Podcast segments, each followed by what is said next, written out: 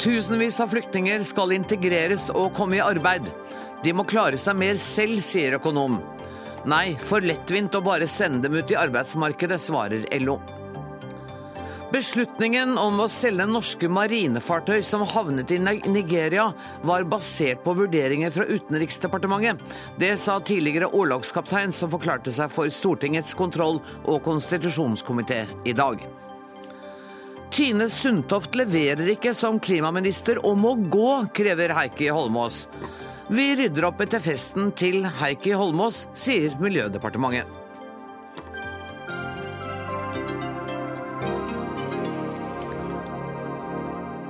Dette er noen av sakene i denne torsdagsutgaven av Dagsnytt 18, der vi også faktisk skal snakke litt om oss selv. For Kringkastingsrådet mener nemlig at NRK trenger et satiremiljø med ståsted på den politiske høyresiden. Fordi den satiren som bedrives her, har en slagside den andre veien. Det har vakt storm bl.a. på sosiale medier, og vi tør å ta debatten. Men aller først. De neste årene skal norske kommuner forberede seg på å ta imot inntil 50 000 flyktninger. Det kommer til å kreve omfattende integreringstiltak. Vi må la dem ta seg fram selv, mener økonom, mens LO altså mener at offentlige integreringsprogrammer som strekker seg over lengre tid, er tingen. Kjell Gunnar Salvanes, du er professor i samfunnsøkonomi ved Norges handelshøyskole. Og du er en av dem som mener at flyktningene lærer best i arbeid, og ikke gjennom et introduksjonsprogram i regi av Nav? Ja. Eh, mitt syn er at når vi har eh, sagt Norge og andre land har sagt ja til å ta imot flyktninger, så er spørsmålet vårt hvordan skal vi best få de inn i arbeidsliv og i samfunnet. Og Da er det nok mitt syn at eh, lange, lange opphold på asylmottak og lange opplæringsprogram antagelig ikke er det vi vil men jeg lærer best eh, mer direkte i arbeid. Og hvordan skal de komme seg i arbeid? Ja, Det er et godt spørsmål. Altså, Det som eh, skjer nå i arbeidslivet, jeg eh, tror jeg er at det er mange med lav kompetanse som prøver å komme inn.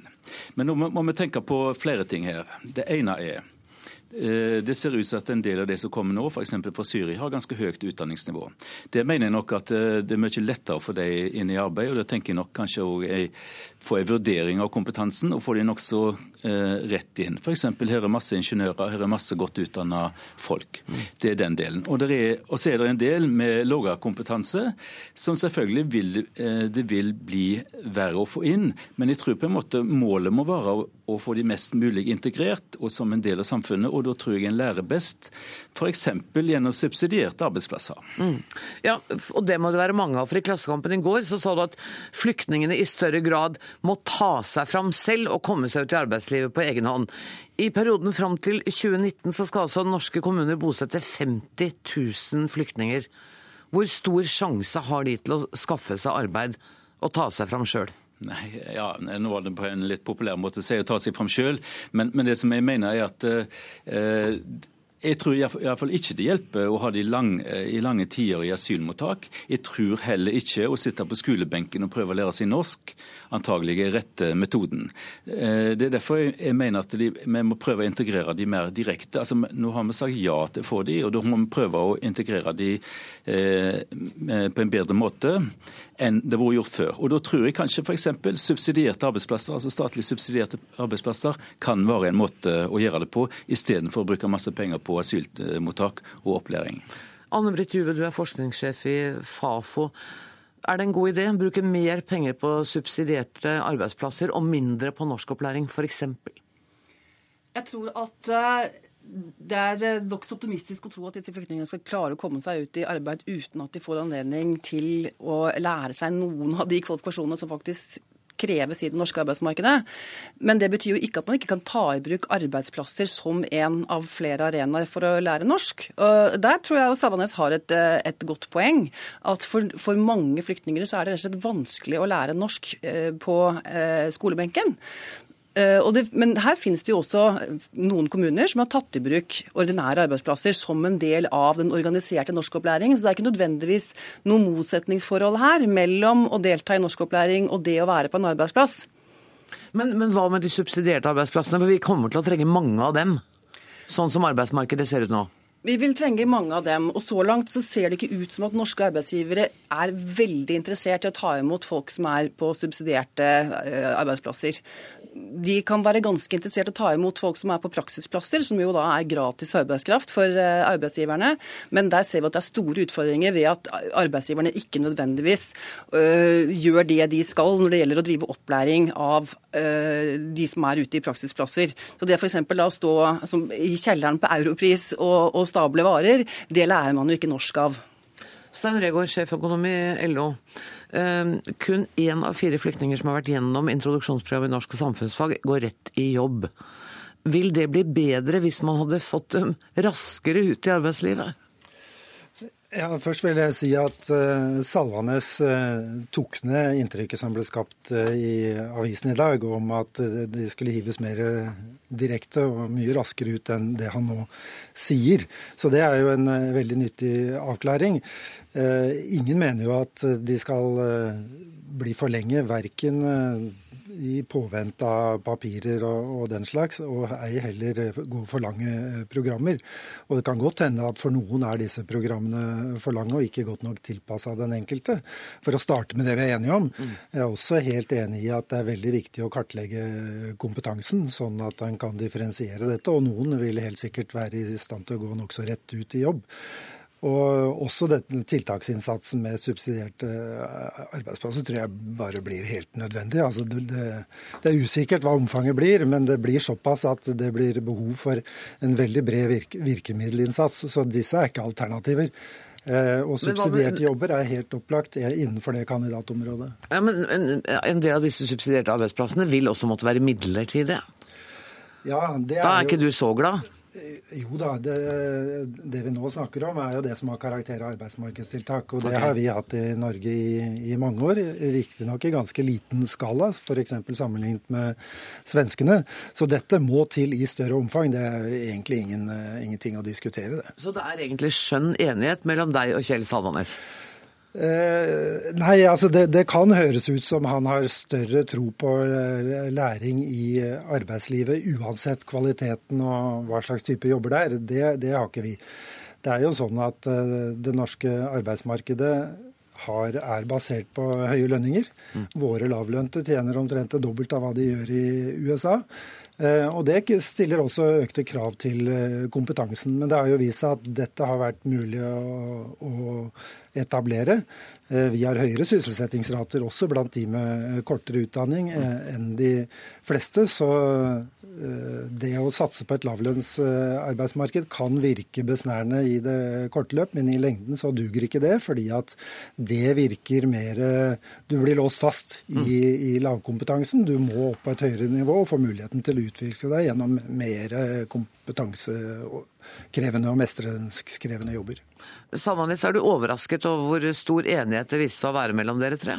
Nei, i grunnen ikke. Vi var jo på møte tidligere i dag, alle tre. Så, oh ja, så dere var klar over at det her var det skjønn enighet? Det var bare jeg som ikke visste det? Ikke skjønn enighet, men, eh, men, men, jeg tror det, det, er nok visse uenigheter.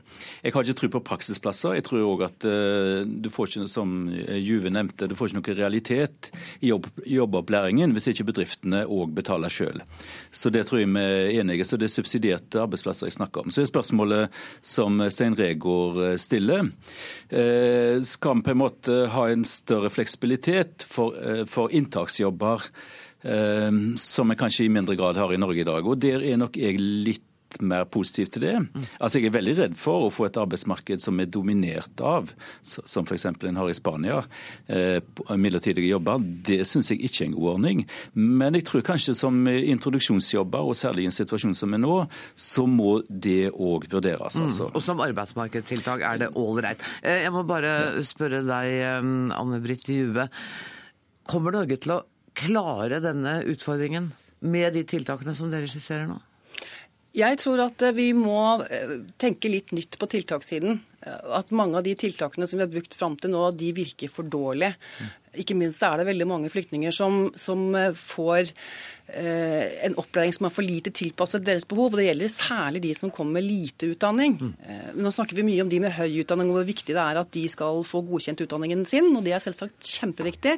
Men, men, det er helt gjennomgående at de som har de største problemene med å komme ut i arbeidslivet, arbeidslivet det er de som har lite utdanning. Og For mm. dem så tror jeg vi må tenke mye mer helhetlig. altså De må inn i et løp på et tidlig tidspunkt hvor man tenker hva Eh, er det realistisk? Hva slags type arbeid er det realistisk at de skal komme ut i? Og så må de få fagopplæring og norskopplæring som, som er integrert, og, og, og, hvor begge på en måte peker i retning av den, de stedene i arbeidsmarkedet hvor de har lyst og, og det er realistisk at de skal komme inn. Og Da sier jeg tusen takk til dere. Vi skal nemlig snakke mer om utdanning, men med noen andre enn dere. Takk til Kjell Salvanes, Anne Britt Juve og Stein Regård.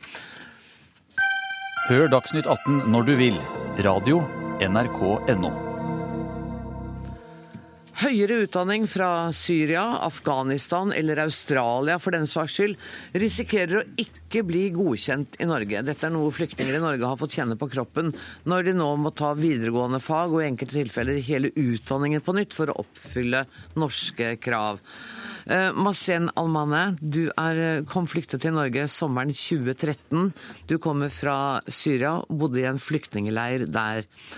I dag bor du i Kongsberg med kone og tre barn.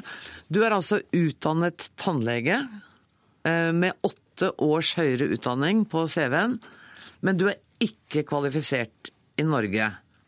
Hva er beskjeden norske myndigheter har gitt deg?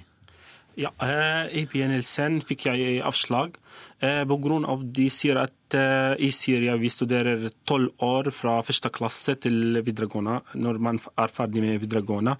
Så i Norge det er 13 år, så jeg mangler ett år fra videregående skole. Så det betyr Eh, og ansett at jeg har studert i fem år i tannlegeutdanning. Eh, jeg mangler ett år, så det betyr at jeg har studert fire år. Okay. Så den er først og slett året eh, eh, grunnen til avslag.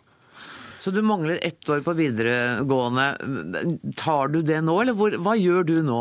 Ja, jeg klaget på vedtaket. Jeg sa ja, men jeg har to års høye studier i Damaskus universitet. Også jeg har studert ett år i London universitetet, University College London, og jeg har tatt mastergrad i folk-tannhelse. Eh, men de sier ja, men vi er ikke interessert i den. Vi er bare interessert i grunnutdanning i den, de, de femte, første fem årene.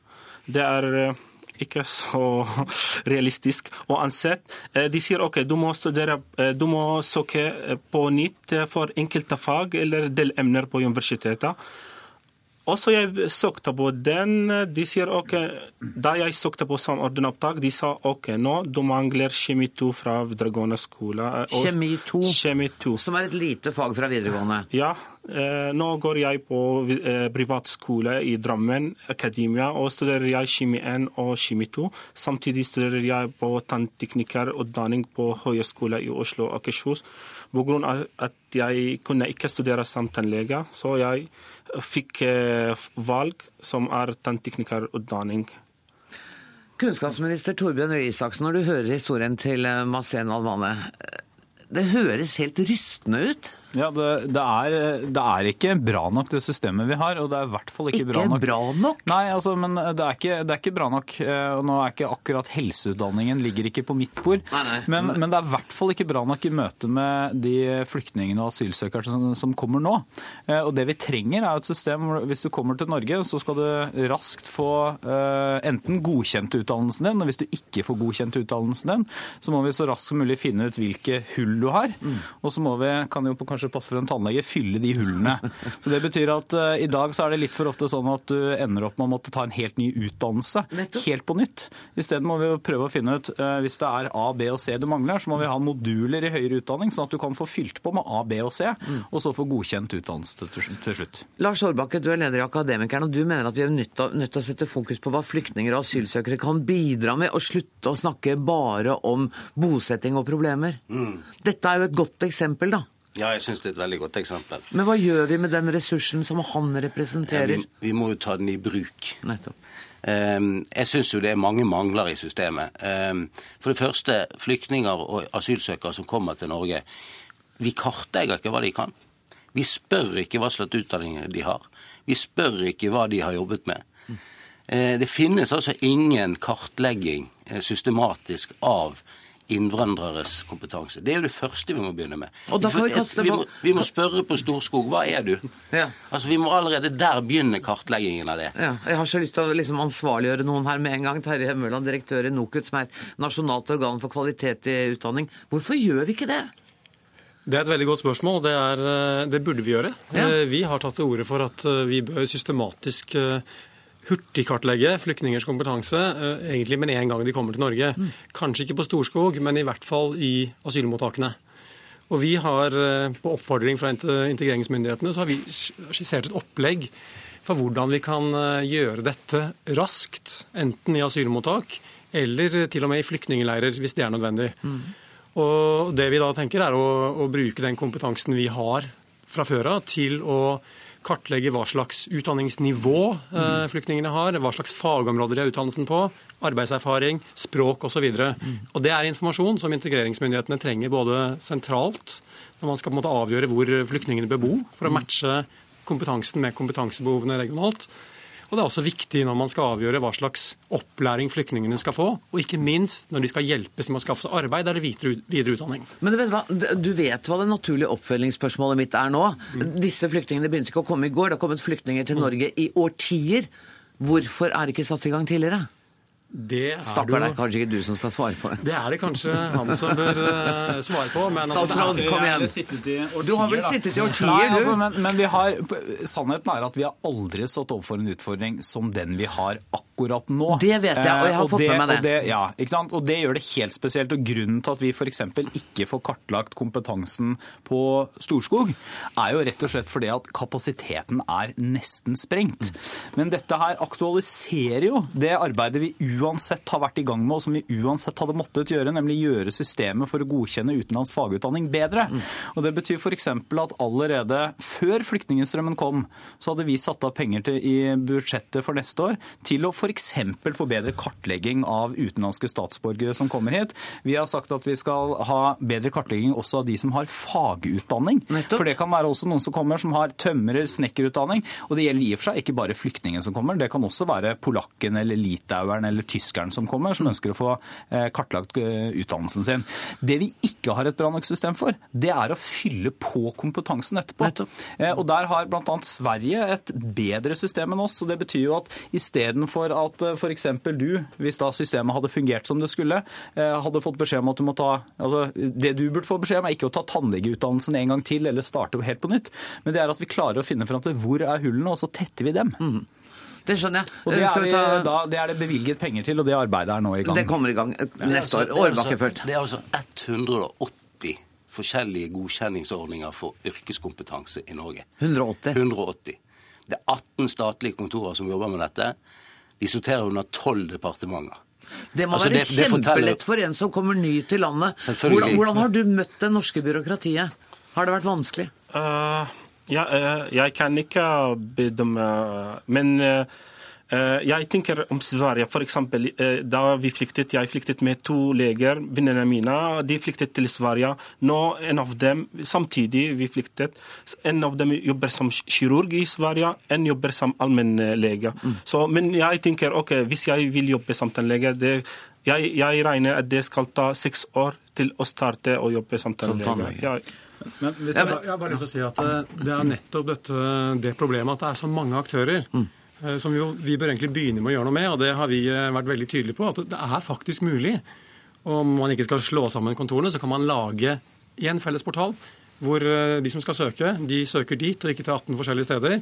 Og så ordner vi i forvaltningen det som skal skje backoffice. Det er egentlig første bud. og Er det, er, ligger dette også på ditt bord? Ja, altså, ja, delvis i hvert fall. Men det er nettopp den type ting vi, vi må, må tenke på, og som vi må beslutte ganske raskt om vi skal gjøre. F.eks. For, for godkjenning av fagutdanning.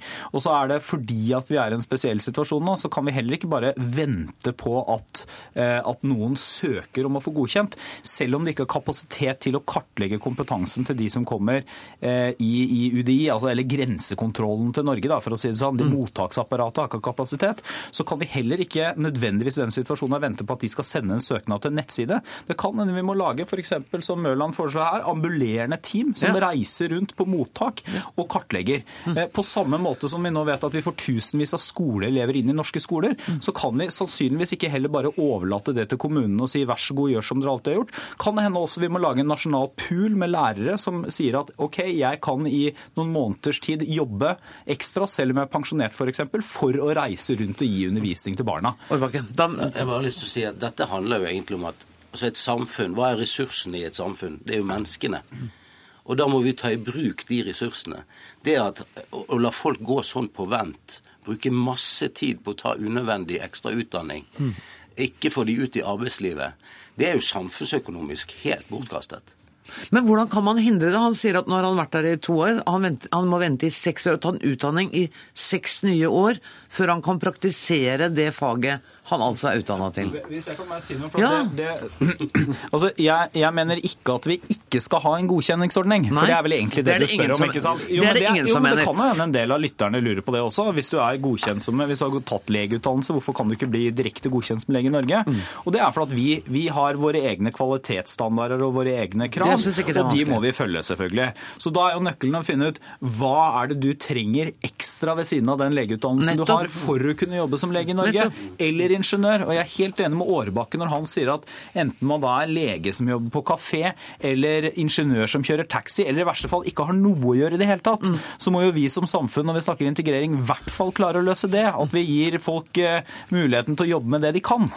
Du skal få ordet i 20 sekunder. Ja, bare for å liksom supplere det ministeren sier. altså Det som virkelig er akilleshælen, det er ikke å få identifisert hva de ikke kan, Nei. hva de trenger mer av. Men det er faktisk vi må lage utdanningsopplegg som gjør det mulig å gjøre, ta den ekstra utdanningen uten å starte på scratch. Nettopp. Uten at det skal koste om seks år. Tusen takk for at dere kom, min herre Masen Almane, Terje Mørland, Torbjørn Røe Isaksen og Knut Årbakke.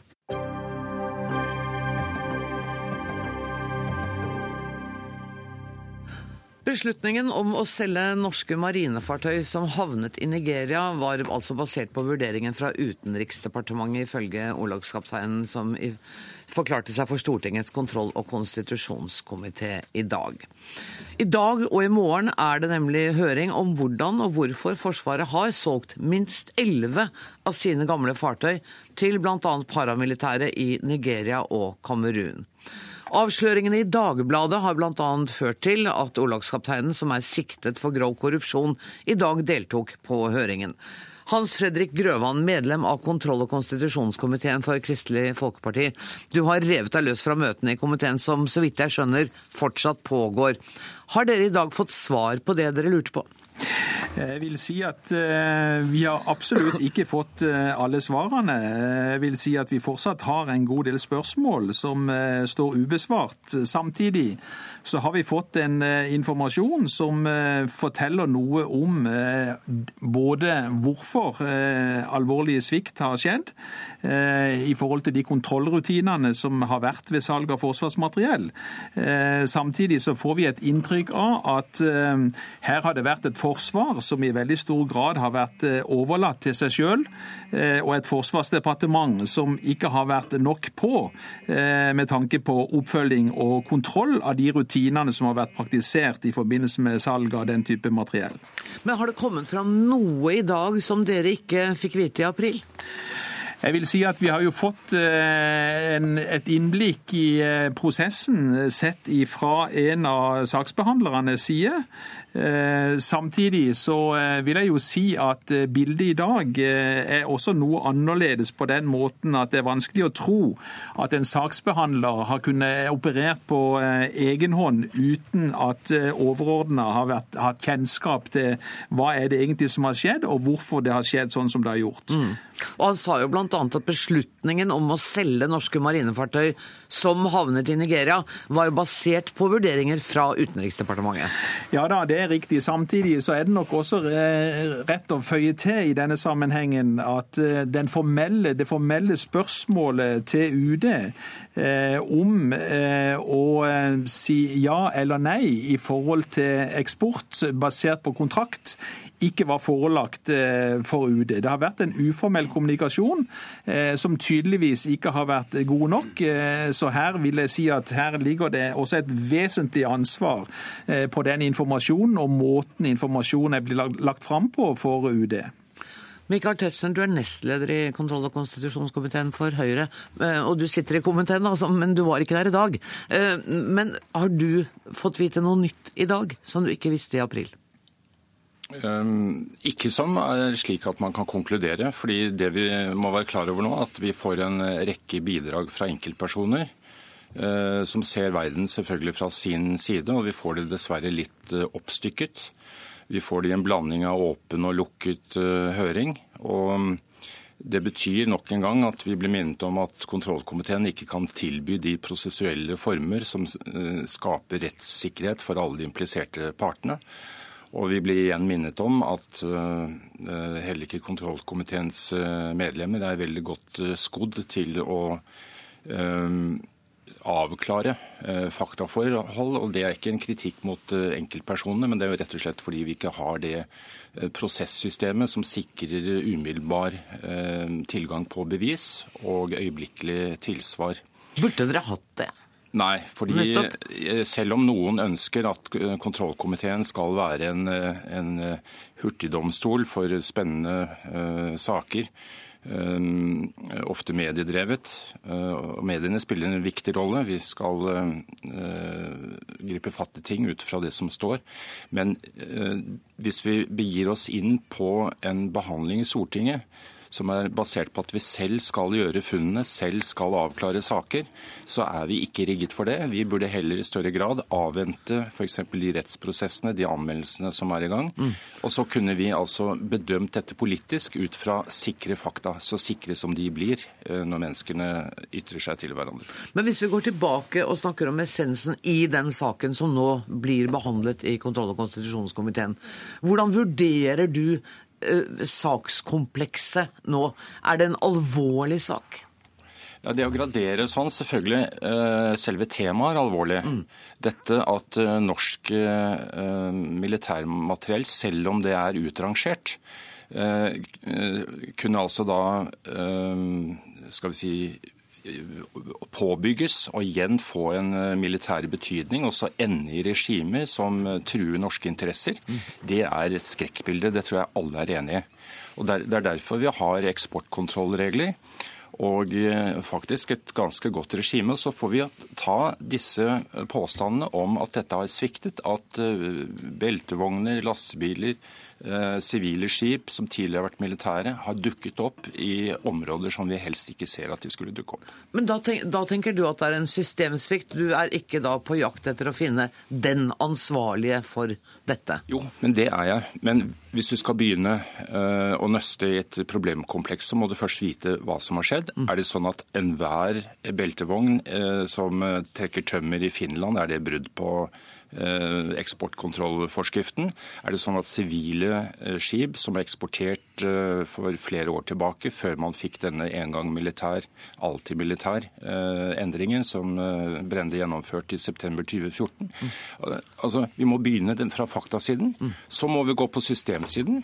Og til slutt så må vi se er det noen som da har visst at dette systemet ikke var godt nok. Det er et politisk ansvar, og det skal nok også kontrollkomiteen eh, adressere kraftfullt når vi kommer dit. Men da må vi ikke ha svekket vår autoritet ved å ha en veldig skal vi si, tilfeldig tilgang til, eh, til fakta underveis. Grøvan? Altså, jeg vil jo si at uh, Vår oppgave er jo først og fremst å se om vi har et uh, system som blir uh, eh, forvalta av regjering og, og aktuell statsråd, som gjør at vi følger opp det regelverket og de kontrollmekanismene som Stortinget har, har vedtatt. Uh, vi har allerede her i denne saken fått beskjed fra forsvarsministeren at det er satt i gang nå en gjennomgang av alle aktuelle avhendingssaker fra 2000 2002. Det forteller om alvoret i, i saken, og at det har vært, og erkjent at det har vært en alvorlig svikt i kontrollrutinene. Mm. Så vil jeg også si det at i, i denne saken her så ligger det Én ting er selve reglementet, men så er det jo måten reglementet følges opp på. Både fra forsvarsledelsens side mm. og fra UDs side. Og Sånn som vi har sett her, hvor et selskap står som kjøper, eh, som er egentlig et postboksselskap. Eh, I dette tilfellet når det gjelder båtene, CAS Global, som har et kontor i Nigeria, ja vel, så blir det konstatert. Det blir kanskje en bekymringsmelding som sendes, men ingen oppfølging. Mm. Eh, og det er klart at Hvis en ikke har en tettere oppfølging, og da tenker jeg både Forsvarsdepartementet og UD, som har også sitt selvstendige ansvar, eh, så blir dette en, rett og slett en for dårlig forvaltning av et strengt regelverk, mm. som her kommer helt på avveier i praktiseringen. Magnus Sakholm, du er politisk kommentator eh, her i eh, NRK. Hvor alvorlig er denne saken?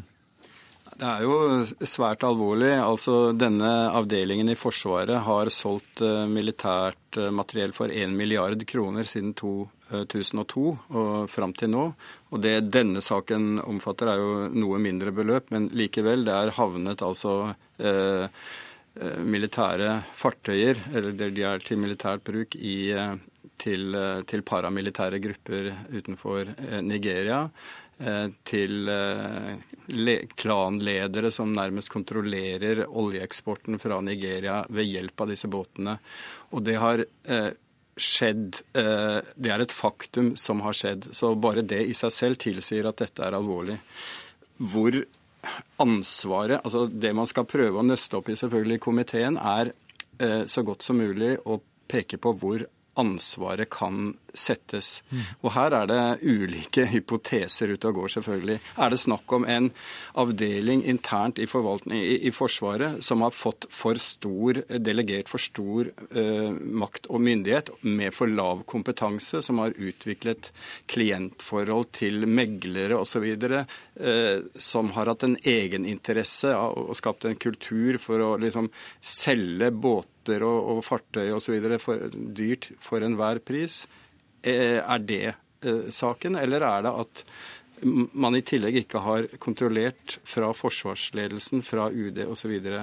godt nok? Og da er spørsmålet hvem, hvem, visste eller burde ha visst mm. at dette skjedde? Og det er vel det komiteen da skal ja. finne ut av i morgen, f.eks.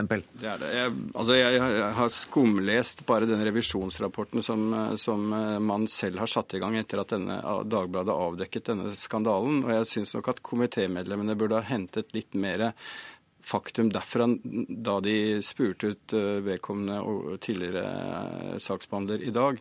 For det, er, mye informasjon i den revisjonsrapporten som indikerer at man burde ha, ha, ha, ha vært alarmert tidligere. Dette stråselskapet som sto for, for handelen, ble man advart mot fra britiske tollmyndigheter osv.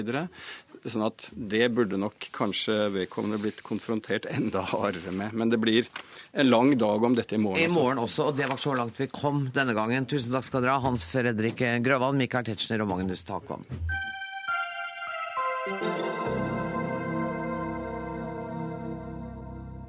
Nå kommer det mange folkestudio-. Kringkastingsrådet ber nå om at det bygges et satiremiljø her i NRK med ståsted på den politiske høyresiden.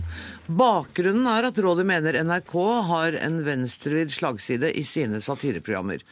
Problemet skal ikke være humoren i disse programmene i seg selv, snarere at det mangler humor iført høyrebriller, hvis jeg har forstått det riktig. Vebjørn Selbekk, medlem av Kringkastingsrådet.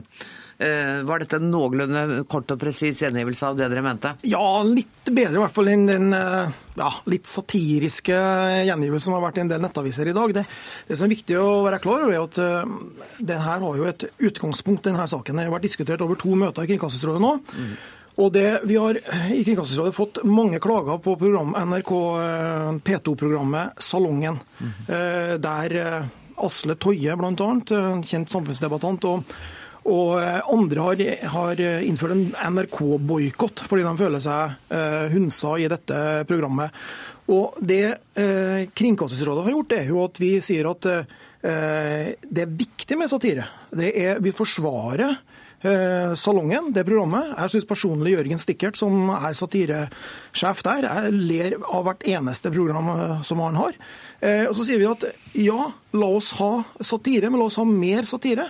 Stikkert, NRKs eh, Salongen, har, er veldig åpen om at de har et eh, utgangspunkt på venstresida. Mm. Så i stedet for å legge press på, på dem, la oss få et mer satire og, og, og, mer variert satire. Det er utgangspunktet for Kringkastingsrådet. Vi bør utvikle et, eh, et satiremiljø med utgangspunkt i høyresida, og da er det ikke unaturlig, Charle Valvorsen, som er sjef for underholdningsavdelingen her i NRK, å tro at det kan bli ditt ansvar å utvikle det satiremiljøet. Hvordan har du tenkt å gå fram? Jeg tror kanskje ikke vi skal det, men det som er mer interessant her, er jo egentlig bakgrunnen for dette forslaget, er jo den aksepten som rådet da åpenbart har at det er venstrevridd satire i NRK. Det finnes det helt bombesikkert eh, enkelteksempler på, men eh, det vi ser nå er vel en slags generalisering ut fra noen synlige eksempler som har dukket opp i offentligheten fordi noen har eh, tatt det dit. Eh, sikkert fordi de er eh, sinna for hvordan de er behandlet. Det er en ærlig sak. Men det er en eh, generalisering som ikke har noe eh, bunn i en eh, relevans i forhold til den politiske balansen i satiren i NRK. Den Nei. tror jeg er veldig fin og jevn og bra. Ja, til og med, altså Du er sjef for Nytt på Nytt, f.eks. Ja. Føler du deg litt truffet av kritikken når det gjelder det programmet? Nei. Det var det korte svaret ja. der. Nils August Andresen, du er ansvarlig redaktør i tidsskriftet Minerva. Du er opptatt av satire. Mm. Hva syns du om rådets anbefalinger i dag? Altså, hvis jeg får være representant for høyresiden, og på vegne av vanvittig mange, på, av vanvittig mange på, på, Facebook på høyresiden, så er dette den litt sånn klamme følelsen av å få en hjelp du overhodet ikke har bedt om å få. Altså, den, jeg syns dette bommer på absolutt alle plan, og det viser hvorfor liksom, den supperåd satiren i sin tid den treffer bra også på Kringkastingsrådet. Den tar utgangspunkt i en helt feil situasjonsbeskrivelse. Altså NRKs satireprogrammer fra 1995 til ca. 2010 var overveiende høyrevridd. Altså Bård Tufte Johansen og Harald Eia de vitser om eh, LO og om Gerhardsen-ungdommen og bevilgninger til tullete kvinnekultur og nynorsk og pakistansk æreskultur. Og det var i beste sendetid. Og det man har gjort her, at man har hengt seg opp i en liten detalj ett program på salongen, det er litt trauste programmet som noen har i bakgrunnen mens de venter på Dagsnytt 18, men egentlig ikke lytter til. Eh, det er liksom blitt eh, det alle ser på. Og det er som, som Charlo Hallesen sier, her er det ikke gjort en stor studie hvor man virkelig over mange år har gått gjennom totaliteten i NRKs eh, dekning.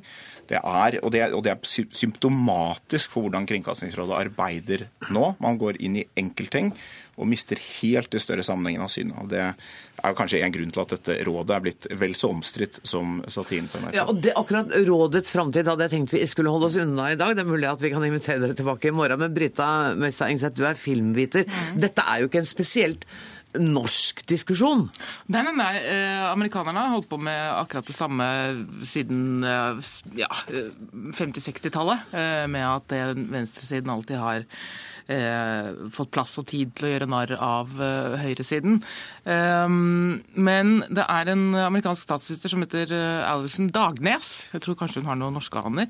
Hun har skrevet en bok som heter sånn oversatt 'En konservativ kommer inn i en bar'. Oh, ja. den politiske humorens politikk. Og hun satte seg ned og intervjuet da godt og vel 300 amerikanske manusforfattere som hadde jobbet på forskjellige talkshows. og Hun hadde kommet frem til at det Ehm, ja, de hadde nok muligens eh, mer demokratiske følelser enn republikanske. Men det viktigste for dem var å være morsomme. Mm. Eh, så når da eh, Fox News forsøker å starte en variant av John Stewart som heter Halvtimesnyhetsshowet i 1997, eller noe sånt, startet i det, så var det altså en katastrofe. Det var en kalkun av dimensjoner, simpelthen fordi de trodde at politikken var viktigere enn det å være morsomme. John Stewart fungerte i så lenge som han gjorde fordi han var morsom først. Og fordi det handlet om å gå etter makta, og ikke hvilket parti makta tilhørte. Det var til enhver tid sittende makt som fikk juling. Og mm. ingen har faktisk fått mer juling eh, av amerikanske komikere enn Bill Clinton. Charlo Halvorsen, er, er, du enig i det Britta Møssa sier? Er det sånn at satire skal først og fremst være morsom, og da må den være fri? Men absolutt. Og det er jo all rekruttering av folk som er presumptivt morsomme hos oss, er jo rekruttert på bakgrunn om eh, de er morsomme eller ikke. Ikke hvilke partier dere er. Ikke partiboka, eh, åpenbart. Og så er det helt riktig det som Brita sier, at det er jo til hver sittende regjering, også i Norge, da, ikke bare i USA, som, eh, som får mest tyn. Sånn, det ligger liksom i satirens vesen. Og nå har det vært rundt åtte år med eh, erting av de rød-grønne, og så er vi inne i en, kanskje en fireårsperiode, eller åtte eller tolv år med blå-blå, som de kommer til å få brorparten av eh, ertingen. Og sånn er det hvis vi skal liksom opprettholde satirens eh, litt sånn fine tanke om å sparke oppover. Selbekk, da dere så reaksjonen i dag altså Jeg har ikke sett maken til liv på Facebook og Twitter. Angra dere bitte litt på det anmodningen til NRK? Nei, men det som eh, jeg tror mange glemmer her, er jo bakgrunnen for eh, rådets engasjement i dette her. Det er ett program? Ja, og det er jo det, det, er jo det Kringkastingsrådet vi, vi, forholder oss til de klagene som vi får inn fra publikum. Vi er publikums forlengede arm inn i, i NRK. Jo, men hør, nå må jeg på dette. for Dere får klage på ett program, ja. og så skal den ene klagen føre til at da bør NRK etablere et nytt satiremiljø? Tvert imot. Vi men det er det ikke. Nei, vi har, ja, men vi har ikke tatt disse klagene til følge. Vi har, vi har tvert imot sagt at den satiren som uh, salongen uh, representerer, er veldig god. Mm. Uavhengig av det politiske ståstedet. Men vi ønsker oss da et større mangfold. Dette handler jo om enkeltsaker. Og, og det går jo an å finne gode satirikere på høyresida. TV 2 har jo klart det. Men er du uenig med Charlo Halvorsen i at satiren i utgangspunktet bør være morsom og fri? 100 enig okay. i det. Og jeg, som sagt, Jørgen Strikkert og Salongen er en av mine personlige favoritter. Det ler jeg av, selv om det er venstrevridd og jeg er tilhører høyresida. Mm. Andresen? Jeg tror ikke Kringkastingsrådet helt ser hvilke signaler de, de, sender ut. Altså Når du peker på Jon Hustad, som er en kommentator og ikke en, ikke en komiker, så er det ut, helt klart at man går etter det politiske snarere enn det humoristiske.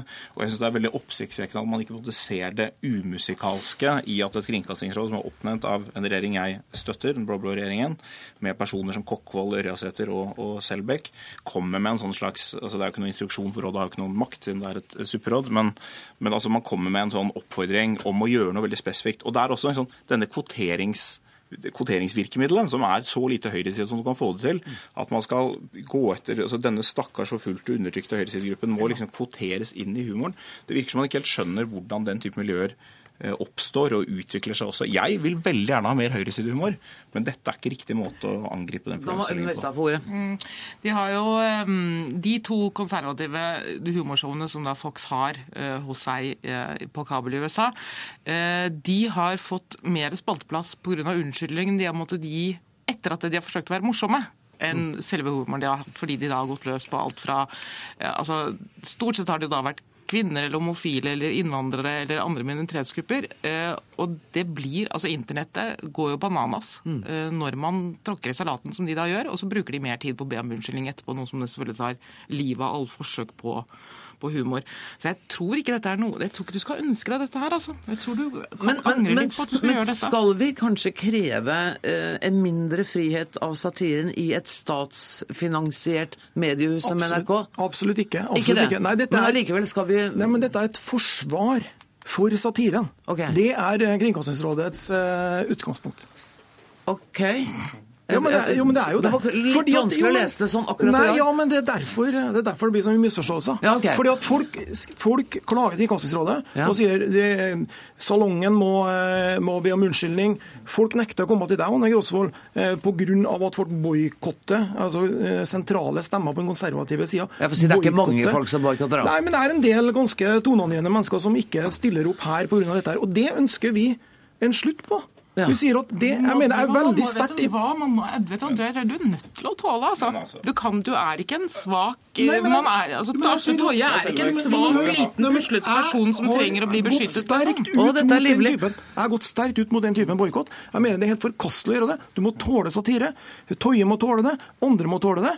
Og svaret er at vi bør etablere Svaret et er høyere forsvare satirisk miljø. og ha en bredde i den. Andresen. Altså, Selve, hvordan hadde du reagert om, om Kringkastingsrådet, utnevnt av Stoltenberg, klaget på et program av Bård og Harald og sa nå må vi ha mer venstreorientert humor? Et kringkastingsråd utnevnt av den rød-grønne regjeringen. Det hadde vært helt umusikalsk.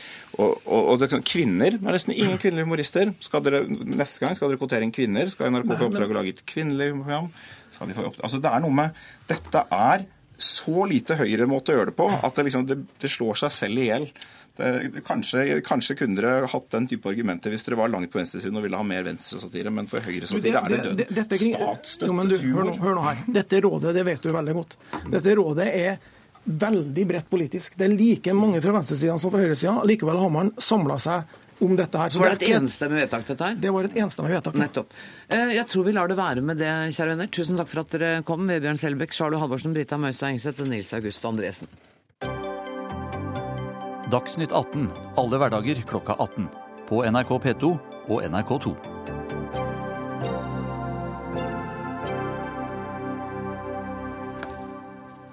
Miljø- og klimaminister Tine Sundtoft må gå av. Beskjeden er klar, og den er fra SVs klimapolitiske talsmann Heikki Holmås. På klimatoppmøtet i Paris i desember, som bare er et par dager fram i tida, skal nemlig FN-landene bli enige om bl.a. hvordan man skal kutte i verdens klimagassutslipp i tida fram til 2020. Noe statsminister Erna Solberg innrømmer kan bli svært vanskelig. Og Heikki Almås, du går altså usedvanlig kraftig ut i VG og sier at regjeringen har stø kurs mot økte utslipp i 2020. Ja, for det skriver de sjøl i sitt eget eh, statsbudsjett. I statsbudsjettet så skriver de at de kommer til å øke klimautslippene frem mot 2020. Og det er på tross av at et bredt flertall i Stortinget har vedtatt at utslippene skal betydelig ned. Eh, Og da er det altså sånn at parallelt med det så reiser eh, Tine Sundtoft til eh, Paris-toppmøtet, der det er avgjørende å bygge tillit mellom fattige land og rike land. Og med seg i kofferten så har hun et kutt i miljøstøtten til de fattigste landene på 1 milliard kroner. Hadde det vært opp til regjeringen, så hadde det vært 1,4 milliarder i kutt, men nå blir det 1 milliard. Og da er min klare oppfordring til hun at hvis hun virkelig bryr seg om klima, og det tror jeg hun gjør, så må hun vise klart ifra og vise det norske folk at hun ikke får gjennomslag i regjeringen. For regjeringens klimapolitikk den styrer mot å bryte det klimaforliket som Stortinget har satt. Og da trenger det norske folk å få se det. Og da trenger hun å vise sin styrke ved å gå av. Det kommer hun vel neppe til å gjøre, Lars Andreas Lunde, statssekretær i det samme departement? Nei, det kommer hun ikke til å gjøre. Jeg tror ikke Tine Sundtoft mister nattesøvn, selv om Heikki Holmås her bruser litt med, med fjærene. Men det er riktig at vi er langt unna CO2-målene? Det er riktig at det er veldig krevende å nå de uh, ambisjonsnivåene for kutt eh, i Norge som, som Stortinget har vedtatt, og det har regjeringen vært klar på hele tiden. Når det gjelder den fremskrivningen som Heikki Holmås viser til, så ble den laget våren 2014. Da hadde denne regjeringen sittet ved makten i, et snaut halvår. De, da, eh, noe av det første Tine Sundtoft gjorde da hun overtok som klima- og miljøminister, var å bestille en rapport fra Miljødirektoratet for hvordan vi lå an i forhold til Stortingets klimamål. Den rapporten var ganske nedslående lesning. Den viste at vi ennå måtte kutte 8 millioner tonn av de 12 millioner tonnene som Stortinget hadde sagt at vi skulle kutte. Det viser at denne regjeringen på ingen måte kom til et dekket bord. Snarere så fløt det av skitten oppvask, mens den forrige regjeringen hadde Heikki ja, de hadde vært på månen og i hvert fall prøvd å komme dit og, osv. så videre. Skitten oppvask ca. 8 millioner tonn. Altså, jeg synes at eh, altså, Hvis du hadde hadde- hadde hatt anstendighet, så syns jeg dere bør slutte å klage på den jobben som andre har gjort, og begynne å gjøre jobben sjøl. For det er ikke riktig det du sier. Dere har lagt frem tre statsbudsjett, og dere har ikke beveget dere nærmere å nå de klimamålene som Stortinget har sagt. Mens i løpet av den perioden vi satt i regjering, så var det sånn at år for år fra det første klimaforliket i 2008 og frem til, gikk av, til vi gikk av, så beveget vi oss nærmere å nå må utslippsmålet for 2020. Og Derfor vil jeg bare ta fatt i den rapporten som din regjering utarbeidet. Og Den ga veldig klar beskjed. Her er oppskriften på hvordan vi kan nå klimamålet for 2020. Mens virkeligheten er at dere har ikke fulgt opp nesten noen av de målsetningene som, som står her, og de virkemidlene og grepene som er nødvendig å ta. Det har dere overlatt til Venstre og Kristelig Folkeparti å dra dere i en mer positiv retning. Stemmer det, Lunde, Nei, nei, at det er Kristelig Folkeparti og Venstre som egentlig Nei da, på ingen måte. Eh, Vi har et veldig godt samarbeid med Venstre og Kristelig Folkeparti. Vi er glad for det samarbeidet vi har, alle de fire partiene på den ikke-sosialistiske eh, borgerlige siden.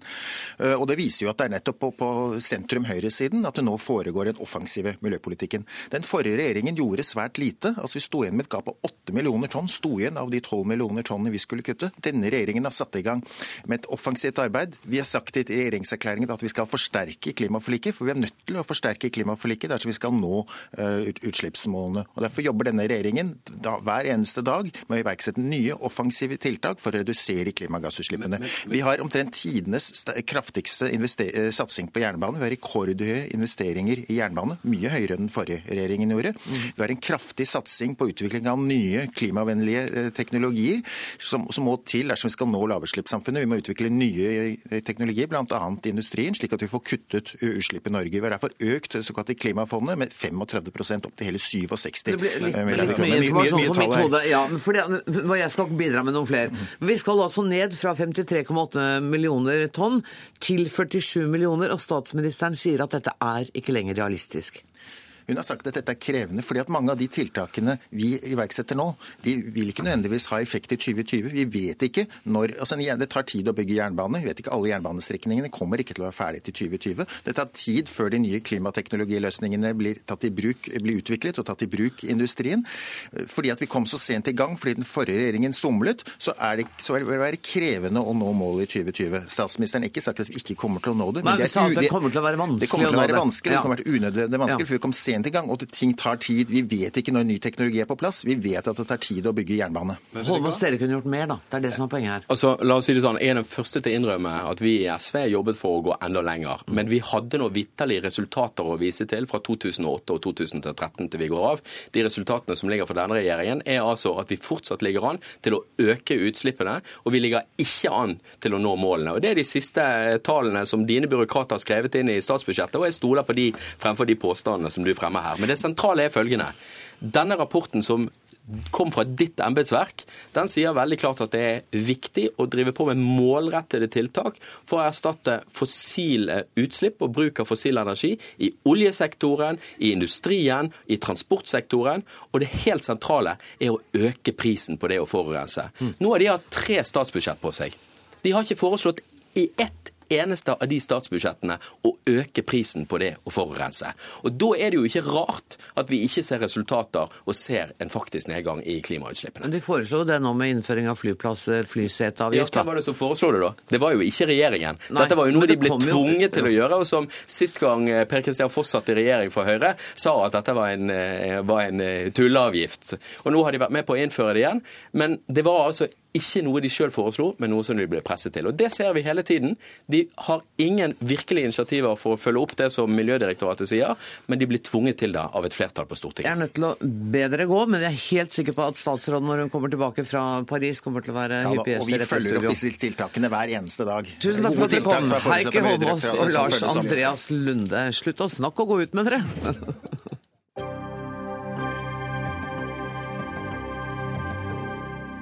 herreskapen skal få lov å begynne å snakke ganske snart. For budsjettforliket gir skattesmell for dem mellom 50 og 67 år som mister jobben. Senterpartiets leder sier at det er kynisk at en ordning med sluttvederlag som ble inngått i 1966, nå blir skattlagt. Innsparingen for staten er på 60 millioner kroner. Og Trygve Slagsvold Vedum, jeg er ikke helt sikker på om jeg forklarte dette tydelig nok en gang til. Det gjelder folk mellom 50 og 67 år som mister jobben sin. De som kan få høyest beløp, det er en eh, person på 60 år. Ja. Veldig mange menn, for det er da tariffbedrifter. Som da mister eh, jobben sin. Bedriften går konkurs, eller den blir sjuk, eller gjør at den blir sagt opp. da. Og det har vært en eh, skattefri ordning til nå. Du kan få 80 000 kroner som arbeidsgiveren har betalt inn i et fond. Og så kan da fondet betale ut når du har ufrivillig mista jobben. 80 000 kroner, og det har vært skattefritt fra 66 til nå. Mens nå så innfører eh, regjeringa en skatt på oppsigelser, og det, det, er noe helt nytt. og jeg synes Det er litt trist, for det her har vært en, en del av det her sikkerhetsnettet for godt voksne arbeidstakere som mister jobben. Men er det rimelig at godt voksne arbeidstakere på over 62 år, som kanskje kan gå over på AFP eller få full pensjon ved 67, at de skal ha 80 000 Fordi Nei, men du får ikke den 62. For det at det før så gikk sluttvederlagsordningen okay. til 67. Men når AFP-ordningen kom, så kutta man ned sluttvederlagsordningen til fylte 62. Så det er sånn typisk hvis du mister jobben når du er 60 år, og det er kanskje vanskelig å komme seg inn igjen i arbeid. så så, det så, 57 så har arbeidsgiverne 62. betalt inn en del penger over mange år. Og så får du litt hjelp. Mm. Og det er jo en flott ordning. at du får litt hjelp.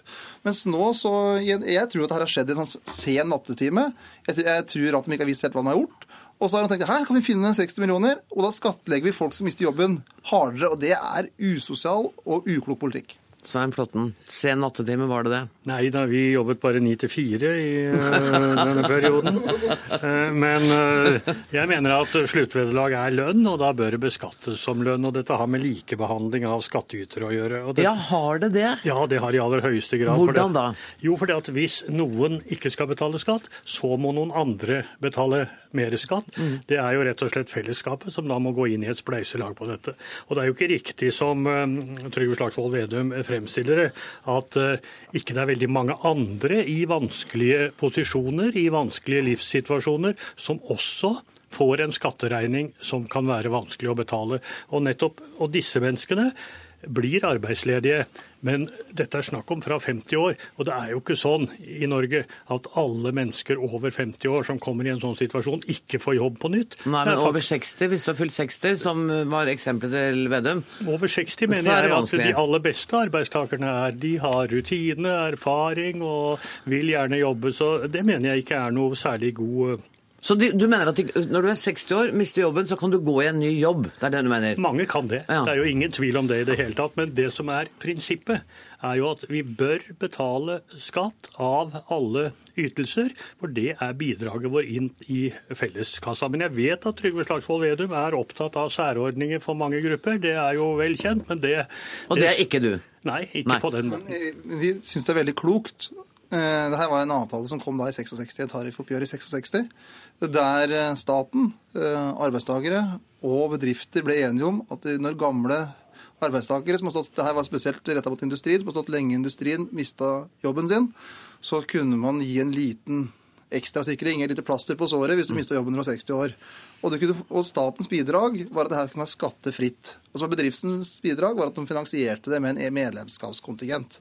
Og Det er noe av det flotte i det norske eh, arbeidslivet, at vi har sånn trepartssamarbeid der alle gir litt, og så gir det mer sikkerhet for deg og meg som arbeidstakere. Men la synes- med likhetstankegangen Jo, til Flåtten. ja, men jeg syns det- det er så rart når dere eh, har prioritert f.eks. Altså de 1000 rikeste i Norge eh, har ifølge Finansdepartementet fått 2100 kroner i skattelette hver dette dag. var vel ikke en ordning for formuesskattytere? Nei, men poenget er jo at det her er at vi har en, et skattefritak nettopp for å hjelpe folk som sliter litt når de mister jobben i veldig høy alder. områder. Og så er det jo ingenting som er bedre enn hvis de får arbeid tilbake så fort som mulig. Men det gir en slags sikring, og det gir et bidrag. Men hvis du mister, og det blir da uavhengig av inntekt, så kan du få maks 80 000 kroner, og du får rundt 80 000 eller er rundt 60 år, for da er det vanskeligst å få arbeid igjen før du går over i pensjon. Så det er ikke noe, det er ikke noe lukrativ ordning, men det er et lite hjelp. Og det er noe å ha en litt sånn raus holdning mot eh, godt voksne arbeidstakere som sliter litt. Dette har ikke noe med å ikke være romslig å gjøre, men det er jo klart at en slik ordning vil jo fortsette.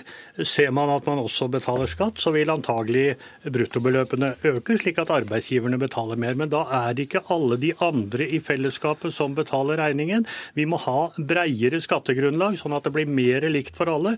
Sånn at fellesskapet ikke skal betale for forskjellige særinteresser. Jeg syns det er et veldig godt prinsipp. Og så har jeg lyst til å legge til, Trygve sier ikke det, men jeg ser andre har sagt at at dette kan gå utover ytelsene på Nav. Eh, Det har jeg undersøkt, og det er faktisk ikke riktig at det er på den måten. Så bare for å ikke skremme folk, så jeg tror tvert imot det vil bidra til at ytelsene derfra kan bli høyere, fordi at inntektsgrunnlaget blir høyere. Da er det veldig viktig at vi skriver det merknaden på Stortinget, så vi rammer det godt inn. For det er veldig viktig at det blir sagt, og at det da blir skrevet i stortingsvedtak også, så det blir helt trygt.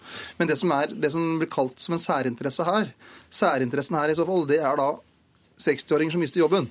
Og det er ingen særinteresse, det er en allmenn interesse at godt voksne arbeidstakere skal ha en inntektssikring. Og det er jo det som er tanken. Og jeg skjønner ikke eh, Høyre, som vanligvis er et sånn skatteletteparti eller skattekuttparti, ser det som sånn utrolig viktig å skattlegge akkurat denne gruppa hardere. For dette er en gruppe som sliter. Det er, noe, det er folk som tjener fire, fra 300 til 500 000 fort, som ikke... får den skattesmellen, som har mista jobben i voksen alder, og det er ikke lurt. Det er ikke noe hyggelig å miste jobben, men jeg syns ikke du skal generalisere. Jeg syns ikke du skal lage det til en svak gruppe at alle som mister jobben, kommer i et voldsomt uføre. Okay. Mange greier det, veldig bra. Det er en tydelig uenighet mellom dere, og den må bare fortsette. Takk skal dere ha, Trygve Slagsvold Vedum og Svein Flåtten. Ansvarlig for Dagsnytt 18 i dag var Ida Tune Øritsland. Det tekniske ansvaret har Hans Ole Hummelvold. Jeg heter Anne Grosvold, med å være her i morgen. Takk for nå.